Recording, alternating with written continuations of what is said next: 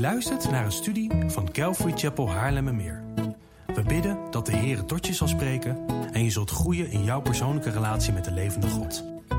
Bezoek voor meer informatie onze website calvarychapel.nl. Dat is C-A-L-V-A-R-Y-C-H-A-P-E-L.nl. Nogmaals hartelijk welkom iedereen op deze livestream van Calvary Chapel Haarlemmermeer. En bijzonder welkom ook aan de kinderen die er vanmorgen in de woonkamer bij zijn.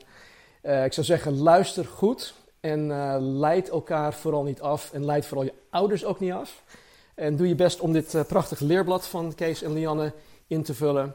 Ehm, het hoeft niet perfect te zijn, maar probeer zo goed mogelijk ehm, ja, de ding in te vullen. En als je zelf ook ideeën hebt, schrijf ze vooral op. Uh, we gaan vanmorgen verder met de preekserie Route 66, waarin wij elk Bijbelboek met elkaar in vogelvlucht doornemen. Uh, ten eerste om Jezus Christus erin te ontdekken. Ten tweede om uh, ja, de belangrijkste levenslessen eruit te halen uh, die actueel zijn voor ons als christenen anno 2020. En drie, om Gods woord beter te leren kennen, zodat wij God beter gaan leren kennen, zodat wij Hem beter um, ja, gaan gehoorzamen, zodat ons geloof zal gaan groeien. Want Jesaja zegt, het gras verdort, de bloem valt af, maar het woord van onze God bestaat voor eeuwig. En dat is ook ons uitgangspunt. uitgangspunt. Even dit nog, um, krijg je er gratis bij. Hoe jij het woord van God ziet, um, bepaalt ook hoe jij God ziet. Dus hoe jij het woord van God, de Bijbel, ziet, bepaalt ook hoe jij God ziet.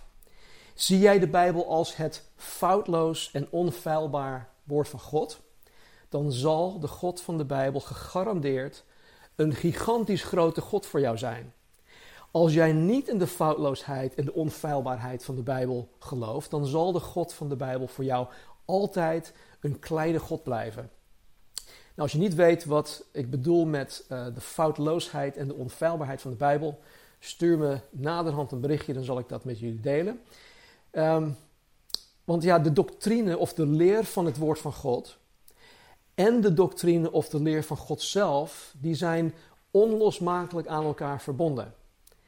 Dus als wij als kerk beweren dat wij de God van de Bijbel willen leren kennen, dan kan dat absoluut niet zonder dat wij de Bijbel um, van die God moeten leren kennen. En vandaar ook onder andere uh, de Route 66 serie. Nou, vanmorgen gaan we kijken naar het achtste Bijbelboek Rut. En um, ja, als jullie mee hebben gedaan, dan uh, zouden jullie de eerste acht boeken al uit je hoofd, of althans de namen van de eerste acht boeken al uit je hoofd hebben leren kennen. Namelijk Genesis, Exodus, Leviticus, Numeri, Deuteronomium, Jozua, Richteren en nu nummer 8, Rut. Dus blijf je daarin oefenen en dan zal het gewoon ja, eigen worden. Nou, we, hebben we hebben in ons overzicht van het boek Richter gezien dat de periode van Richteren ongeveer 350 jaar lang duurde. En dat dit de meest duistere periode is geweest in de geschiedenis van Israël. Over die periode schreef Samuel: In die dagen was er geen koning in Israël, en ieder deed wat juist was in zijn ogen. In onze vorige studie hebben wij gezien dat, um, wat dat precies inhield. En dat de ongelovige wereld nu om ons heen, anno 2020, dezezelfde filosofie hanteert. Er is geen koning en een ieder doet wat juist is in zijn of haar ogen. Nu, te midden van deze duistere en afvallige periode vinden wij de gebeurtenissen van het boek Rut. Uh, die niet slechts ja, getuigen van um, oprechtheid en goddelijkheid van de hoofdrolspelers, maar vooral ook de trouw van God. Wij zien de trouw van God hierin. We zien de voorzienigheid van God hierin. En Rut is niet slechts een, een, een op zichzelf staand verhaal uit het, uit het Oude Testament. Nee, het is een waar gebeurd verslag. Dat gaat over echte mensen van vlees en bloed. Die in zeer moeilijke en duistere periode van richter hebben geleefd. Het is een liefdesverhaal. Maar het is niet een liefdesverhaal zoals jij denkt. Het is een, ehm, een verkondiging van Gods voorzienigheid en van zijn trouw uh, aan zijn reddingsplan. God is trouw aan zijn reddingsplan. En het is een verslag dat ons op Jezus Christus wijst, die pas duizend jaar later op het toneel kwam. J. Sidlow Baxter, een uh, Bijbelcommentator, zegt dit. Ik citeer. Het is werkelijk een blinkende ster in het inktzwarte of in een inktzwarte lucht. Het is een prachtige roos die in een dorre woestijn bloeit. Een zuiver edelsteen dat glinstert tussen vuile afval. Een heerlijke geur te midden van een steriele omgeving. Einde citaat. Dus als je je Bijbels open hebt, of uh, bij je hebt, open ze alsjeblieft op Rut, hoofdstuk 1, vers 1. En dan gaan wij vandaag helemaal door alle vier hoofdstukken heen. Dus um, be prepared. Vers 1 en 2. In de dagen dat de richters leiding gaven aan het volk, gebeurde het dat er hongersnood was in het land. Daarom ging een man uit Bethlehem in Juda op weg om als vreemdeling in de vlakten van Moab te verblijven. Hij, zijn vrouw en zijn twee zonen. De naam van de man was Elimelech, de naam van zijn vrouw Naomi en de namen van zijn twee zonen Machlon en Giljon, Efratieten uit Bethlehem in Juda. En zij kwamen in de vlakte van Moab en bleven daar. Nou, heel duidelijk staat er dat de gebeurtenissen van Rut plaatsvonden tijdens de periode dat de richters leiding geven aan Israël. Oftewel, tijdens de periode van de richteren, het boek Richteren. En er was in die tijd hongersnood in het land. En de hongersnood was hoogstwaarschijnlijk een gevolg van Israëls ongehoorzaamheid aan het overduidelijk woord van God. Maar ondanks dat, dat, dat, uh, maar ondanks dat staat er, staat nergens trouwens, dat Eli, Elimelech en zijn gezin de Heere zochten tijdens deze hongersnood. Wat wel duidelijk is, is dat Elimelech en zijn gezin weigerden om op God te vertrouwen. Ze hadden een menselijke oplossing gezocht en zij vertrokken uit het beloofde land om naar een vijandig land toe te gaan, een vijandig gebied toe te gaan, Moab. Nou, het trieste in hun beslissing om het beloofde land uit te gaan, was dat zij Bethlehem in Juda verlieten. Bethlehem in Juda. Bethlehem betekent huis van brood. En Juda betekent lof of lofprijzing. Dit betekent dus dat Elimelech en zijn gezin er bewust voor kozen om het huis van brood en om lofprijzing te verlaten. En in de volgende versen zien wij wat het gevolg daarvan was. Nou, de naam Elimelech betekent mijn God is koning. De naam Naomi betekent vreugde of plezier.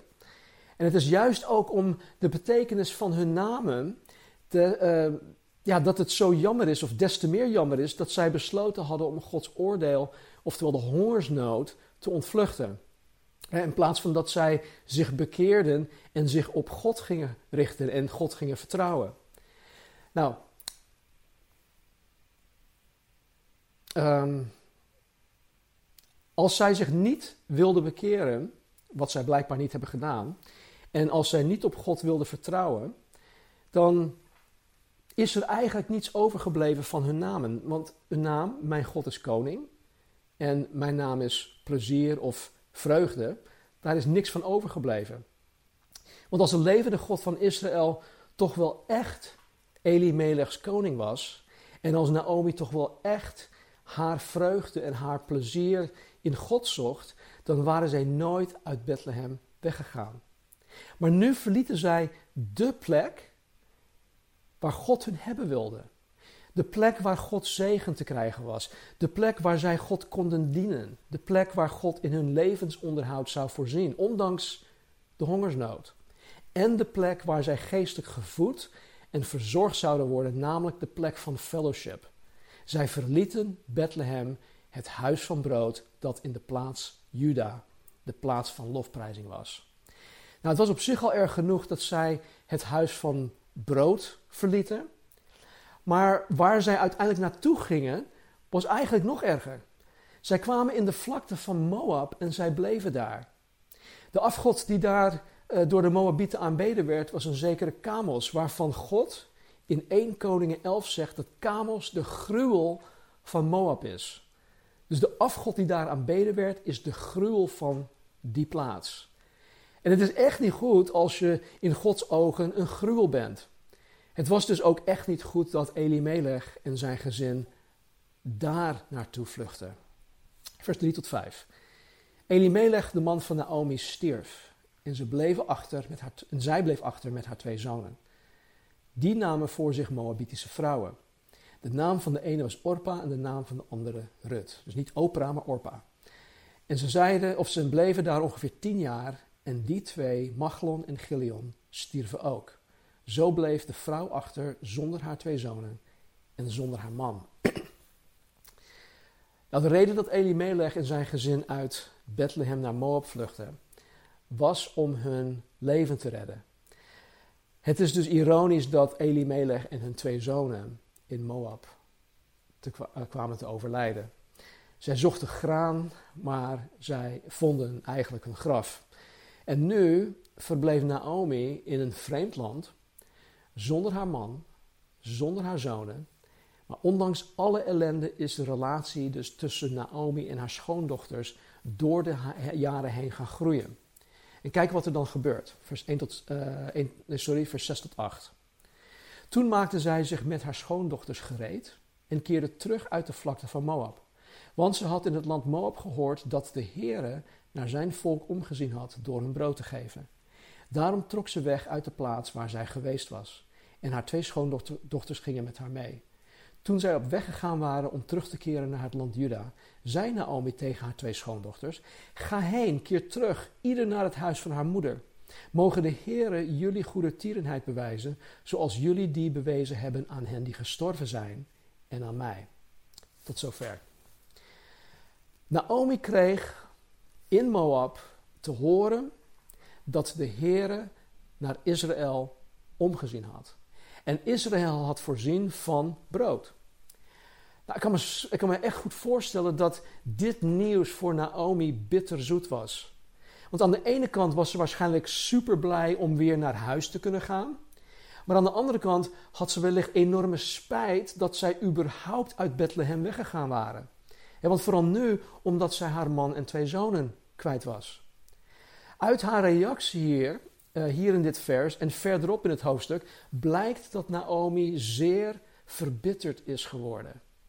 En alhoewel het niet expliciet in de tekst staat, kan het zo geweest zijn dat um, Naomi bij El, uh, Elimelech erop aandrong om uit Bethlehem weg te gaan, om de hongersnood te ontvluchten. En als dat zo is, dan verklaart dat zeker haar bitterheid. Maar goed, dat weten we niet zeker. Naomi en haar twee schoondochters vertrokken dus richting Bethlehem. En op een gegeven moment beseft Naomi zich dat het voor haar schoondochters eigenlijk um, beter is om in Moab te blijven. En de reden waarom Naomi erop aandrong is dit. Vers 9. Mogen de Heere jullie geven dat jullie rust vinden, ieder in het huis van haar man. Toen zij hen kuste, begonnen zij luid te huilen. Naomi wenst haar schoondochters toe dat de Heere hun rust zal geven. Ieder in het huis van haar man.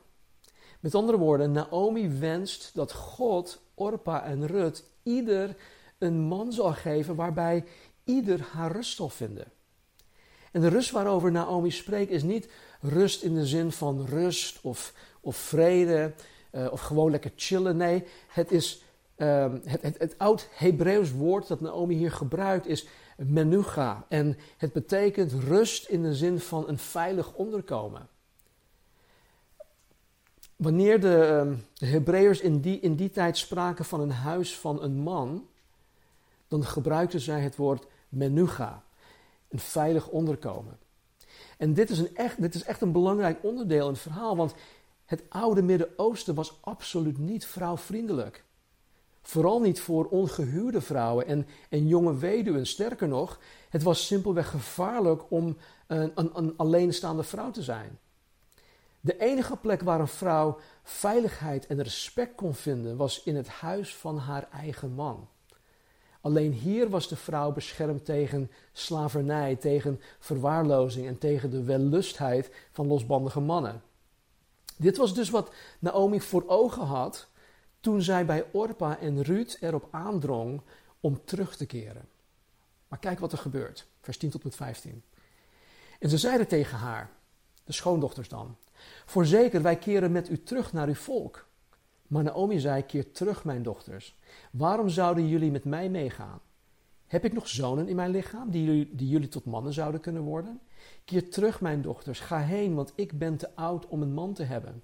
Al zou ik zeggen, ik heb hoop, en al zou ik zelfs in deze nacht een man hebben, ja, zelfs zonen waren, zouden jullie dan wachten tot ze groot geworden waren? Zou dat jullie er dan van weerhouden om een man te hebben? Nee, mijn dochters, want het is voor mij veel bitterder dan voor jullie. De hand van de Heere is tegen mij uitgestrekt.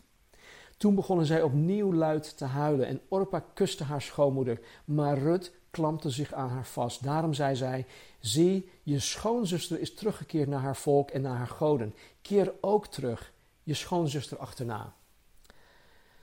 Naomi doet haar uiterste best om haar schoondochters terug te laten keren, omdat zij weet dat het allerbelangrijkste voor hen is om die menuga, een, een veilig onderkomen, te vinden.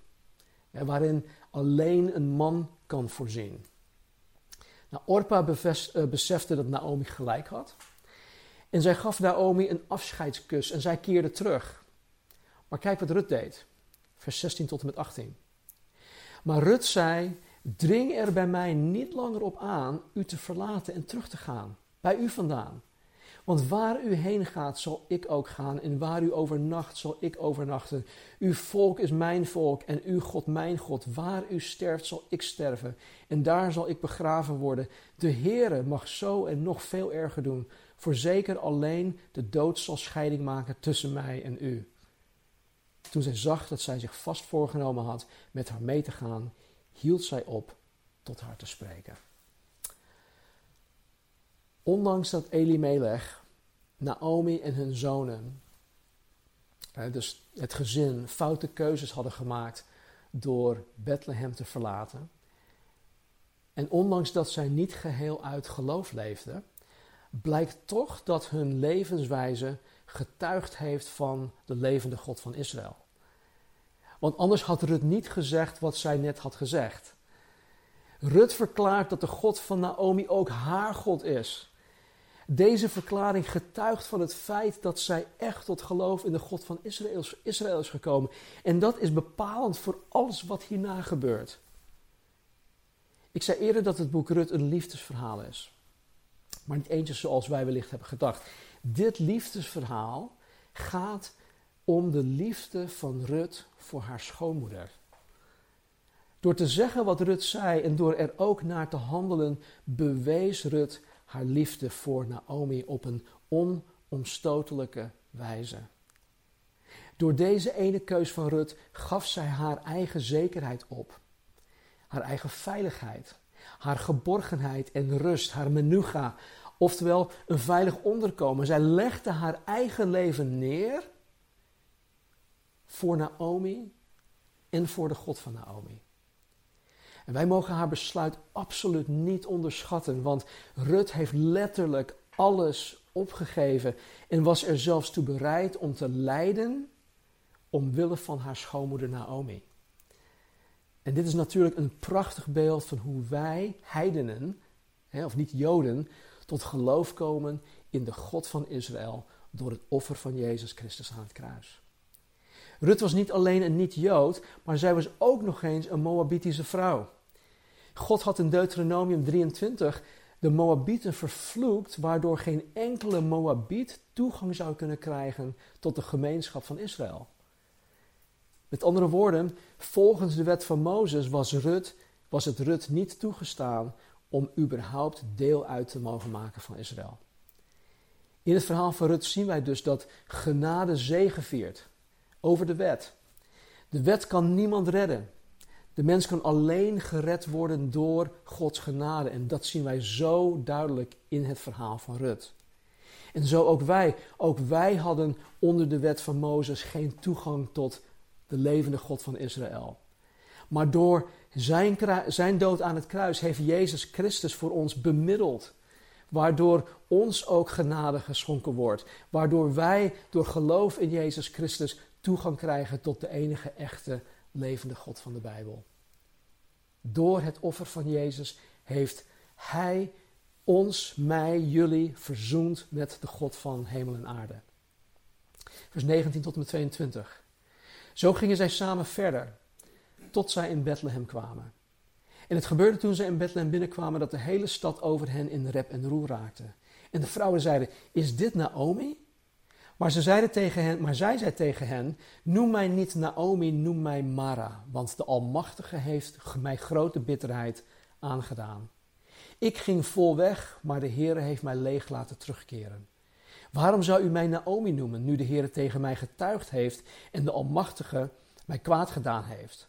Zo keerde Naomi terug en met haar Rut, de Moabitische, haar schoondochter.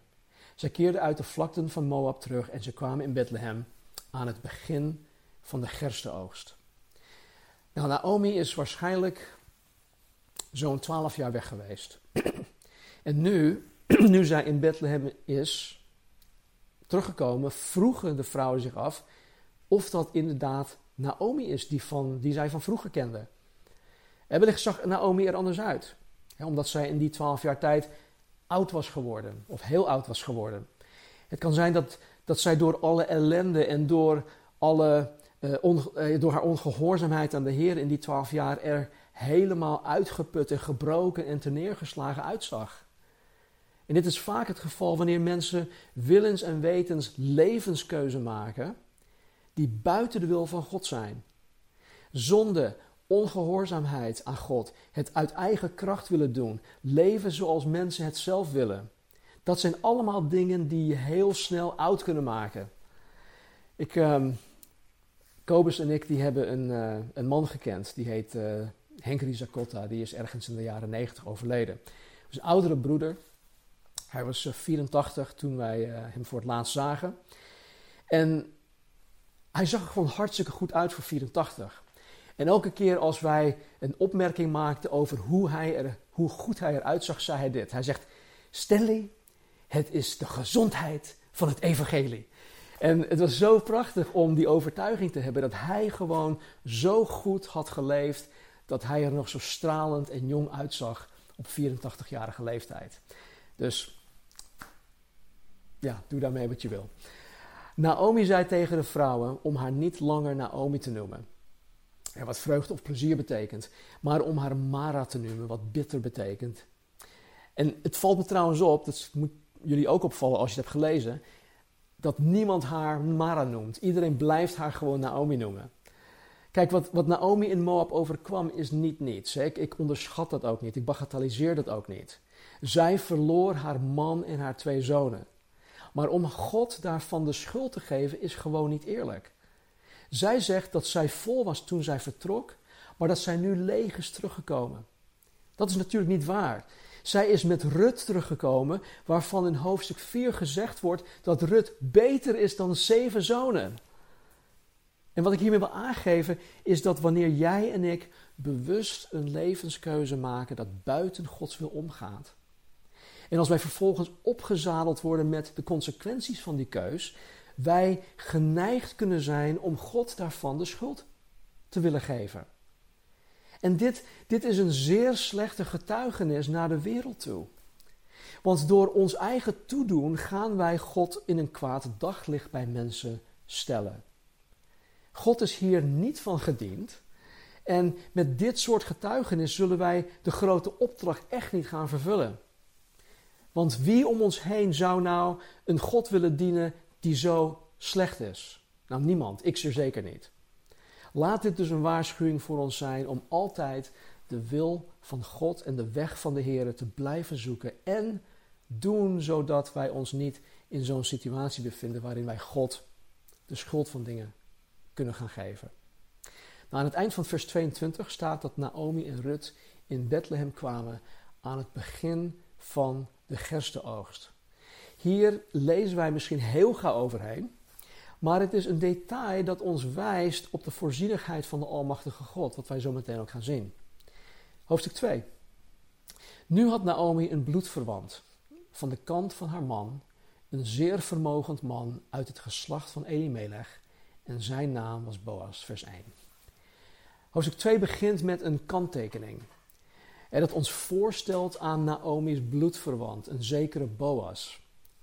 En dan, pakt, uh, pakt, uh, dan gaan we verder in het verhaal. Vers 2 tot en met het eind van hoofdstuk 2.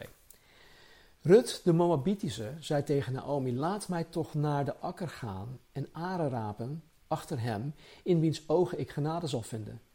En ze zei tegen haar: Ga, mijn dochter. Daarop ging zij op weg, kwam op de akker en raapte aren achter de maaiers. En het overkwam haar dat zij op een deel van de akker van Boas terechtkwam, die uit het geslacht van Elimelech was. En zie, Boas kwam uit Bethlehem en zei tegen de maaiers: De, he de Heere zij met u. En ze zeiden tegen hem: De Heere zegene u. Daarop zei Boas tegen de knecht, of zijn knecht die over de maaiers aangesteld was: Wie behoort deze jonge vrouw toe?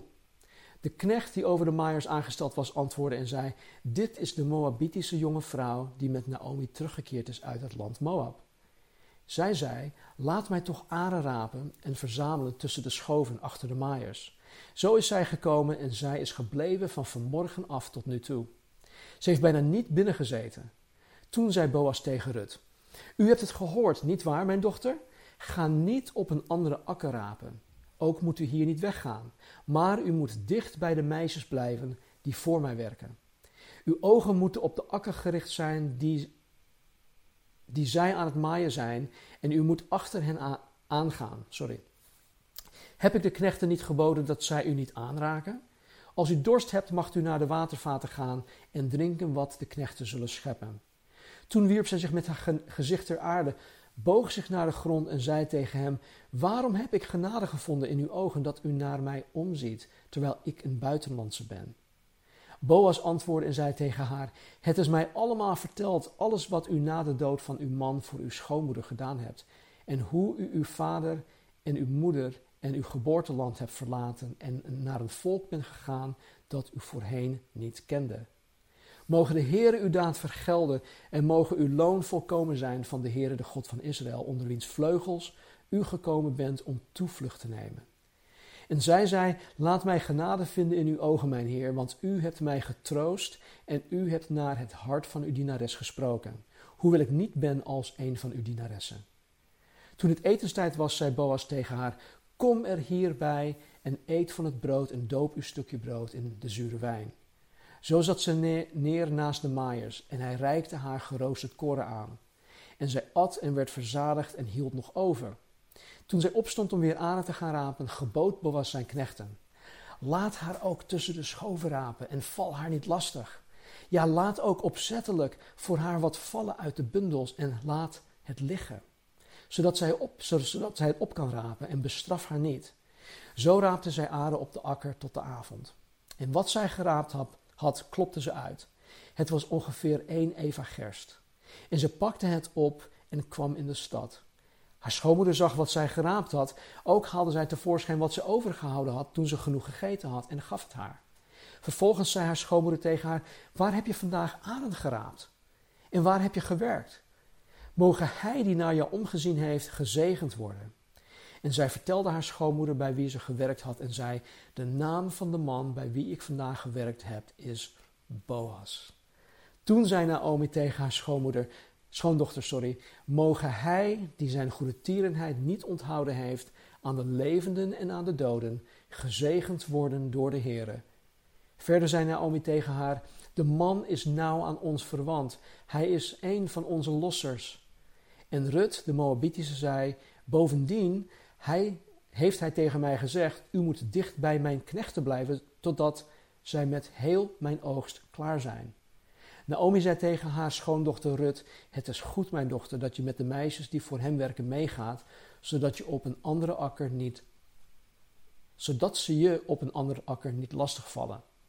Zo bleef ze dicht bij de meisjes van Boas om aren te rapen, tot de gerstenoogst en de tarweoogst voorbij waren. En zij bleef bij haar schoonmoeder. Nou, wat Rut hier in hoofdstuk 2 um, aan het doen is, is volgens de, de wet sociale voorzieningen dat God ingesteld heeft in, in Leviticus 19. En God geeft aan dat degenen die akkers hebben, de randen van hun akkers niet helemaal weg mogen maaien of afmaaien. Ook wat de maaiers laten vallen, mag niet weer opgeraapt worden. Zij moeten het laten liggen. Hiermee voorzag God in, de, in het levensonderhoud van de armen en van de vreemdelingen. En zij mochten dan op de akkers gaan rapen wat niet langs de randen afgemaaid werd. En wat eventueel door de maaiers op de grond was gevallen, dat mochten zij gaan rapen. En het is een goed werkend sociaal, uh, sociale zekerheidsstelsel, want het voorziet niet slechts in het levensonderhoud, maar het voorkomt dat men niet gewoon achterover in hun, stoel zit en een uitkering ontvangt. Nee, Rut kon uh, eigenlijk op, op elk willekeurig akker terechtkomen om te rapen, maar er staat in vers 3: En het overkwam haar dat zij op een deel van de akker van Boas terechtkwam, die uit het geslacht van Elimelech was. Nou, de rabbijnen zeggen dat toeval geen kosher woord is. Met andere woorden, toeval bestaat niet bij God. En dit is zeer zeker het geval met Rut. Het is geen toeval. Er staat: Het overkwam haar. Rut ging er op eigen initiatief op uit om Aren te rapen, omdat zij en Naomi alles kwijt waren. Zij behoorden tot de armen. Maar door Gods voorzienigheid kwam zij terecht op de akker van Boas. En vaak is dat ook zo met ons. Wij handelen gewoon op een natuurlijke manier omdat het gewoon logisch is. En dan, en dan merken wij achteraf dat God ons op een bovennatuurlijke wijze door de Heilige Geest geleid heeft. Nou, dat God Rut naar de akker van Boas toe had geleid, blijkt uit meerdere zaken. Kijk bijvoorbeeld naar hoe liefdevol en genadig Boas met Rut omgaat. Boas zei om alleen op zijn akker te rapen, om niet bij hem weg te gaan. Zij moest dicht bij zijn dienstmeisjes blijven. Zij mocht in de kantine aanschuiven om te drinken. Rut mocht ook nog eens met zijn werkploeg samen eten. En ze kreeg ook nog eens een, een doggybag mee. En vervolgens zei Boas tegen zijn medewerkers om Rut niet slechts langs de randen van de akker te laten rapen, maar ook gewoon tussen de schoven. Dus van het beste, Sterker nog, de medewerkers moesten zelfs bewust wat bundels aren laten vallen, zodat Rut deze kon oprapen. Nou, wat Boas voor Rut deed, is ongekend. Als Rut op een andere akker terecht was gekomen, dan zou zij wellicht in gevaar gekomen zijn. Dan zou er wellicht misbruik van haar gemaakt worden.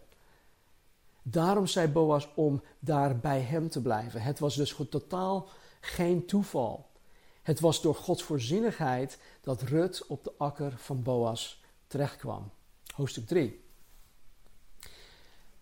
En Naomi, haar schoonmoeder, zei tegen haar: Mijn dochter, zou ik geen plaats van rust, de menucha, voor je zoeken, waar het je goed zal gaan?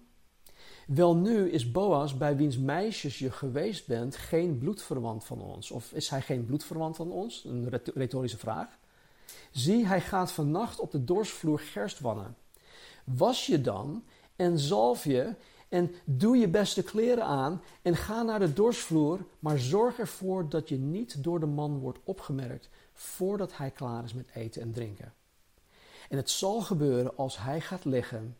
Zorg dan dat je, plaats, dat je de plaats weet waar hij ligt. Ga er dan heen, sla de deken aan zijn voeteneind op en ga liggen. Dan zal hij je zelf vertellen wat je doen moet. Ze zei tegen haar: Alles wat u zegt, zal ik doen. Daarop ging zij naar de dorsvloer en deed overeenkomstig alles wat haar schoonmoeder haar geboden had. Toen Boas gegeten en gedronken had en zijn hart vrolijk was, kwam hij en ging liggen aan de rand van de korenhoop. Daarna kwam zij stilletjes, sloeg de deken aan zijn voeteneind op en ging liggen.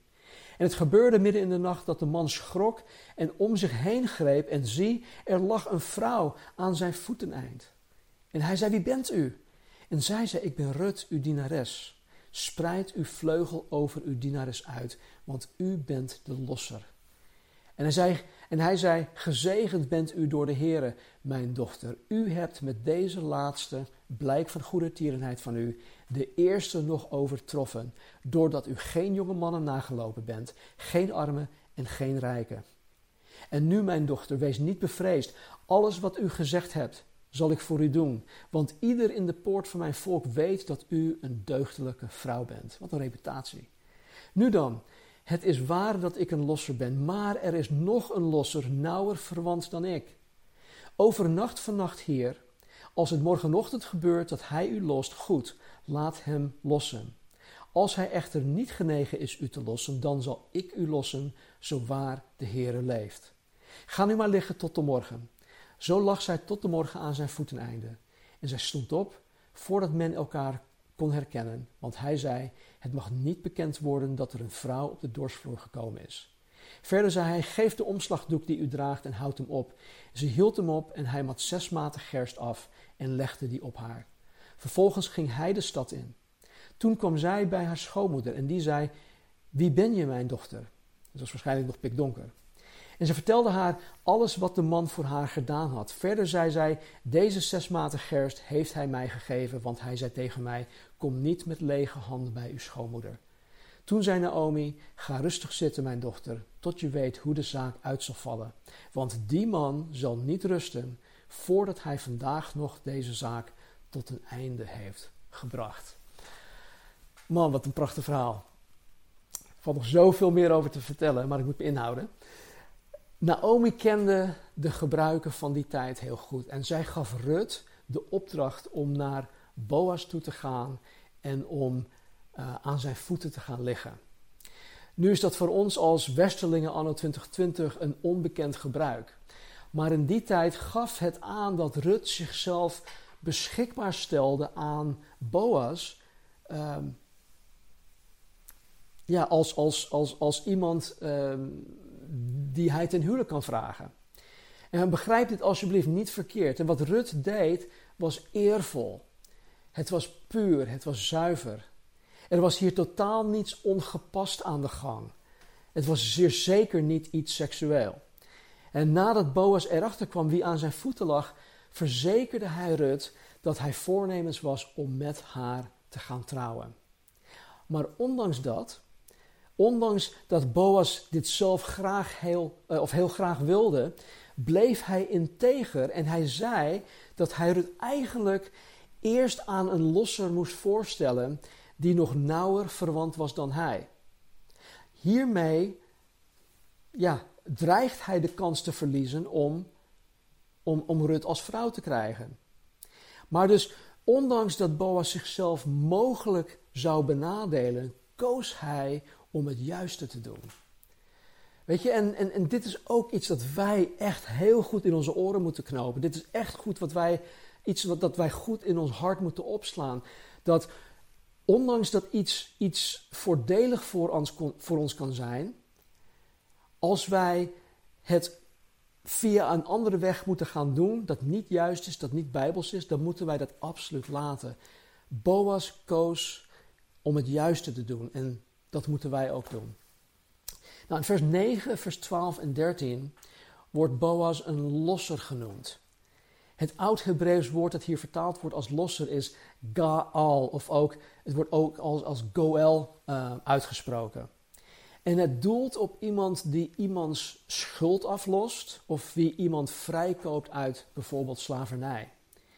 In Leviticus 25 staat de wetgeving van het jubeljaar. Nou, wat heeft dit hiermee te maken? Nou, alles. Dit jubeljaar hield in dat elke vijftigste jaar alle schulden kwijtgescholden werden. Alle verpandingen van grond en dergelijke werd gewoon teniet gedaan en de grond werd teruggegeven aan de uh, oorspronkelijke eigenaar. Alle slaven werden bevrijd, enzovoort, enzovoort. Lees het maar een keer, een keer door, Leviticus 25. Dus als dit in een jubeljaar gebeurde, dan had Naomi haar grondstuk van Eli Elimelech, um, die Elimelech had verpand, gewoon teruggekregen. Maar omdat het geen jubeljaar was, was de enige mogelijkheid om haar grond terug te krijgen een losser. Een losser die haar verpand grond voor haar terug zou kopen. En in haar geval zou dat in eerste instantie de niet genoemde losser zijn waar Boas het over had. Maar als deze losser het niet wilde doen, dan zou Boas het zelf met alle liefde doen. Oké, dat is één. Wat daar ook nog bij komt is het volgende. In Deuteronomium 25 werd de wetgeving met betrekking tot het leviraatshuwelijk vastgesteld. Het heeft niks met de, de stam Levi te maken. Um, Levir is, is, een, is een Hebreeuwse naam voor um, uh, broer, schoonbroer. En dit hield in dat wanneer een man kwam te overlijden, zonder dat hij een zoon had, zijn broer of de dichtstbijzijnde bloedverwant met die weduwe moest gaan trouwen, om uh, zo het nageslacht van de overledene te waarborgen. Dus wat Boas toezegt is niet alleen met Rut te willen trouwen, hij zegt ook toe om de grond van Naomi te lossen. Maar nogmaals, hij staat op de tweede plaats. Er is namelijk een losser dat nauwer verwant is dan hij.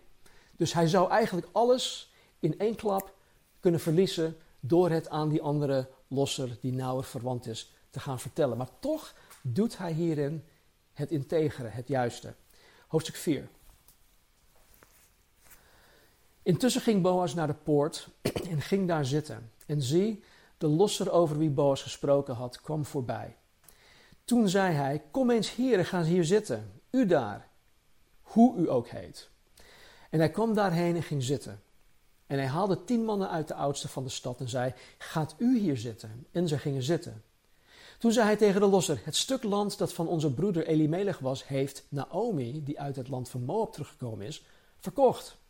En ik heb gezegd: Ik zal het u ter oren doen komen door te zeggen: Koop het in aanwezigheid van de inwoners en in aanwezigheid van de oudsten van mijn volk. Als u het wilt lossen, los het. En als u het niet wilt lossen, vertel het mij dan, zodat ik het weet. Want er is niemand om het te lossen behalve u en ik na u. Toen zei hij: Ik zal het lossen. Maar nu komt de, um, het addertje onder het gras of uh, de monkey van de sleeve. Op de dag dat u het land van de hand van Naomi koopt, koopt u het ook van Rut, de Moabitische vrouw, de vrouw van de gestorvene, om de naam van de gestorvene over zijn erfelijk bezit in stand te houden. Toen zei de losser: Ik kan het voor mij niet lossen, anders zou ik mijn erfelijk bezit te gronden richten. Neemt u voor uw rekening wat ik zou moeten lossen, want ik kan het niet lossen. Nu was het vroeger in Israël bij lossing en bij ruil de gewoonte om de hele zaak te bevestigen. Iemand trok zijn schoen uit en gaf die aan zijn naaste. En dit diende als bewijs in Israël. Dus zei de losser tegen Boas: Koopt u het voor uzelf. En het trok zijn schoen uit gaf het aan Boas. Nou, toen zei Boas tegen de oudsten en heel het volk: U bent vandaag getuige dat ik van de hand van Naomi alles gekocht heb van wat van Elimelech geweest is. En alles wat van Giljon en van Machlon geweest is. Daarbij neem ik voor mezelf Rut, de Moabitische vrouw van Machlon tot vrouw, om de naam van de gestorven over zijn erfelijk bezit in stand te houden, opdat de naam van de gestorven niet zal worden uitgewist onder zijn broeders en in de poort van zijn woonplaats. U bent vandaag getuigen. En heel het volk dat in de poort was en de oudsten zeiden: Wij zijn getuigen. Mogen de Heere deze vrouw die in uw huis komt maken als Rachel en Lea, die beiden het huis van Israël gebouwd hebben. Doe krachtige daden in Efrata en maak uw naam beroemd in Bethlehem. En mogen uw huis worden als het huis van Perez, die Tamar aan Juda baarde. Door het nageslacht dat de Heere u uit het, deze jonge vrouw zal, uh, zal uh, geven zal. Sorry. Zo nam Boas Ruth, Rut en zij werd hem tot vrouw en hij kwam bij haar. En de Heere gaf haar dat zij zwanger werd en een zoon baarde. Toen zeiden de vrouwen tegen Naomi: Gelooft zij de Heere die niet heeft nagelaten om u vandaag een losser te geven. Mogen zijn naam beroemd worden in Israël. Hij zal er voor u zijn om u te verkwikken en u in uw ouderdom te onderhouden. Want uw schoondochter, die u lief heeft, heeft hem gebaard. Zij die beter voor u is dan zeven zonen. En Naomi nam het kind en zette het op haar schoot en zij werd zijn verzorgster.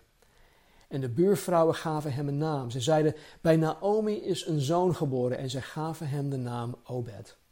Hij is de vader van Isaï, de vader van David. Dit, zijn, dit nu zijn de afstammelingen van Perez. Perez verwekte Hezron. Hezron verwekte Ram. Ram verwekte Aminadab. Aminadab verwekte Nahesson. Nahesson verwekte Salmon, Salma. Salmon verwekte Boas. Boas verwekte Obed. Obed verwekte Isaï en Isaïe verwekte David. Nou, tot slot nog even een paar opmerkingen. Ten eerste staat er in vers 12 dat Tamar Peres baarde. Uh, dit was geen schone zaak. Tamar was de schoondochter van Juda, de zoon van. Um, um, ja, de zoon van, sorry, de, de, dochter, schoondochter van Juda. Zij verkleedde zich op een gegeven moment als een prostituee. En Juda, haar schoonvader, ging met haar naar bed. Zij raakte door Juda zwanger en baarde Perez.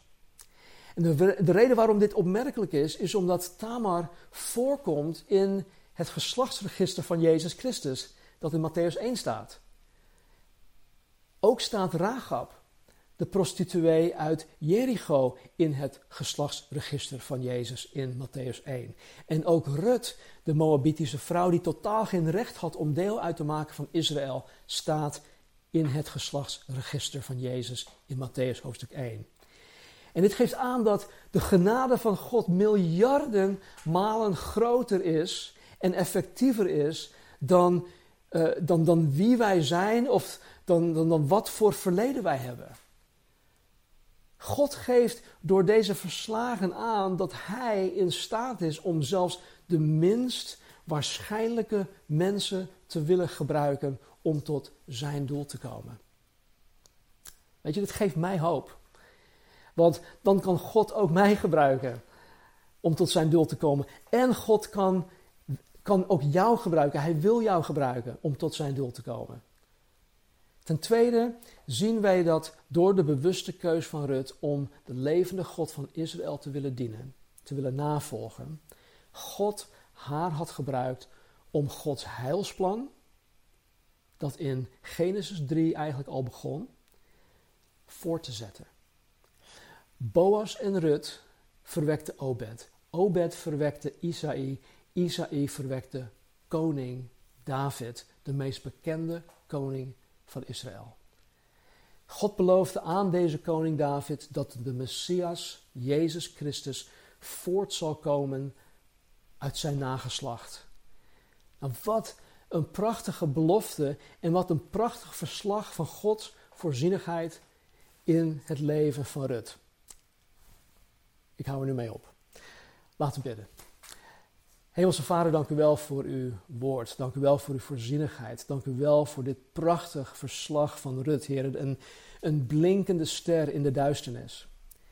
Dank u wel dat u Samuel ertoe hebt aangezet om dit voor ons vast te leggen. Waaruit wij zoveel mogen leren over wie u bent. En over de juiste keuzes die wij kunnen maken om u te mogen dienen, om u te mogen gehoorzamen, om u na te mogen volgen. En wat zo actueel is voor 2020, heren, dat wij de grote opdracht mogen vervullen. Help ons om een Rut te zijn. Help ons om een Boas te zijn.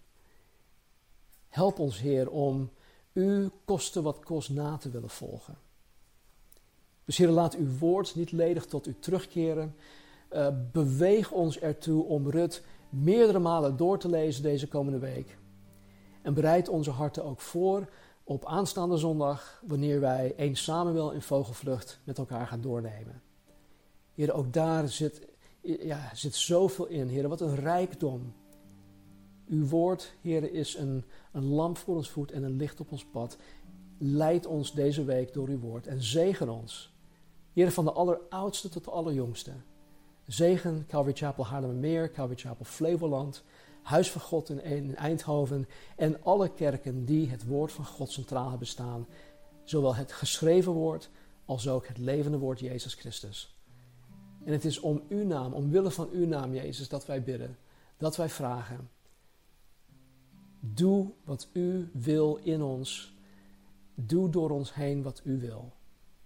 Ga uw gang met ieder van ons. Dat vragen wij. In uw naam, in Jezus' naam. Amen. Don't worry.